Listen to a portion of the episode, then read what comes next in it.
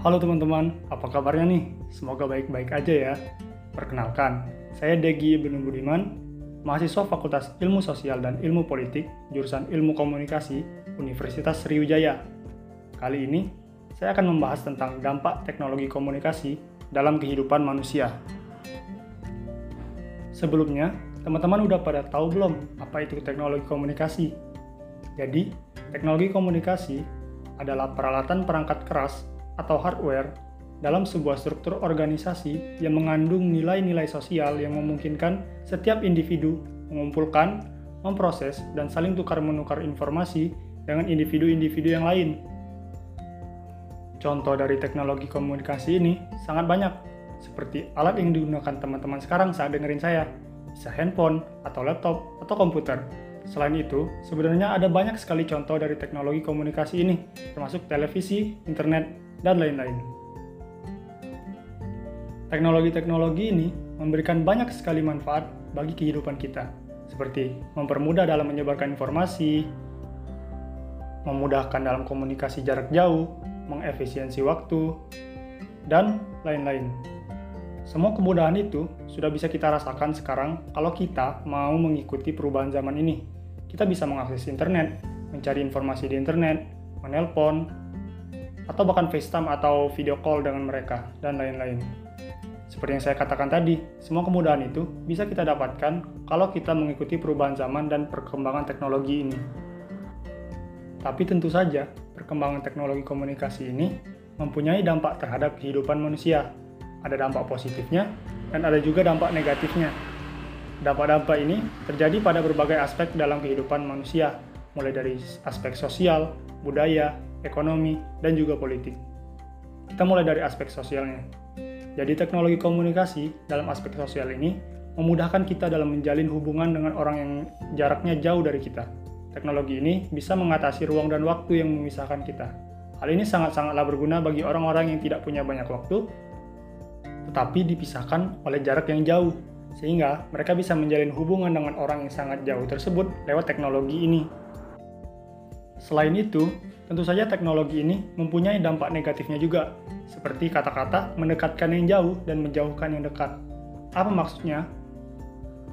Maksudnya, kita bisa berhubungan dengan orang-orang yang jauh lewat teknologi ini, tetapi tidak sedikit juga orang yang mulai bergantung pada teknologi ini secara berlebihan, sehingga mereka tidak memperdulikan orang-orang dan juga keadaan di sekitarnya. Sehingga hal ini menyebabkan orang-orang yang terlalu bergantung dengan teknologi ini akan menjadi lebih individualis Lanjut dari aspek budaya, dampak teknologi komunikasi dalam aspek budaya, salah satunya adalah dengan penyebaran informasi yang sangat cepat seperti saat ini, orang-orang dengan mudah mencari tahu tentang budaya-budaya luar karena mudahnya akses terhadap informasi tersebut. Namun kita juga harus waspada karena budaya luar yang kita cari itu mungkin saja kita lebih tertarik atau gemar terhadap budaya di luar negeri tersebut sehingga budaya di negeri sendiri mulai luntur dan dilupakan itu merupakan salah satu dampak negatif dari teknologi komunikasi ini dalam aspek budaya. Selanjutnya dari aspek ekonomi, teknologi komunikasi ini dapat memudahkan kita dalam melakukan segala kegiatan ekonomi. Seperti salah satunya adalah adanya all shop atau online shop yang sangat membantu baik itu kepada pengusaha-pengusaha kecil untuk menjual produk mereka serta kepada konsumen yang memudahkan mereka mendapat barang yang mereka mau. Tetapi hal ini juga menimbulkan yang namanya kapitalisme global. Apa itu kapitalisme global? Jadi, kapitalisme global ini lahir dari proses globalisasi yang mana menciptakan budaya konsumsi dan masyarakat konsumen yang eksistensinya dilihat hanya dengan pembedaan komoditi yang dikonsumsi, dengan terus-menerus mengkonsumsi berbagai tanda dan status sosial di balik komoditi tersebut. Kita pasti udah tahu juga kan tentunya yang namanya kapitalisme itu maksud dan tujuannya bagaimana. Yang terakhir, dari aspek politik. Dengan teknologi komunikasi ini, proses politik dapat menjadi lebih transparan.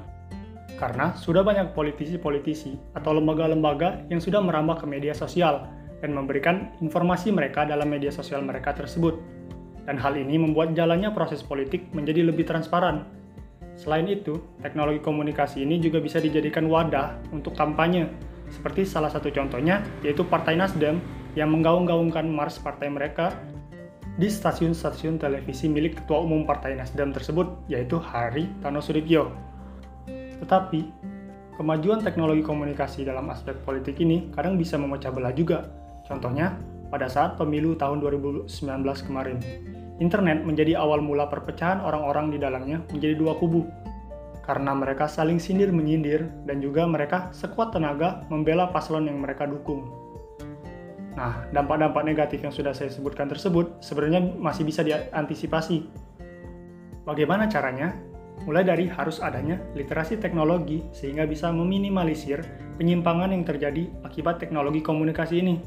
Peran pemerintah juga bisa mengantisipasi dampak negatif dari teknologi komunikasi ini. Salah satu contohnya adalah adanya undang-undang yang mengatur tentang teknologi komunikasi ini sehingga masyarakat menjadi lebih tertib dan berhati-hati dalam menggunakan teknologi komunikasi ini. Tetapi, semua itu balik lagi ke individunya masing-masing. Kesadaran masyarakat adalah kunci dari antisipasi dampak teknologi komunikasi ini. Tidak ada gunanya literasi teknologi dan undang-undang jika masyarakat tidak acuh terhadap hal tersebut. Oke teman-teman, mungkin hanya itu yang bisa saya sampaikan kali ini. Semoga apa yang saya sampaikan bisa bermanfaat bagi teman-teman semua. Terima kasih bagi teman-teman yang sudah mendengarkan. Sampai jumpa lagi. Dadah.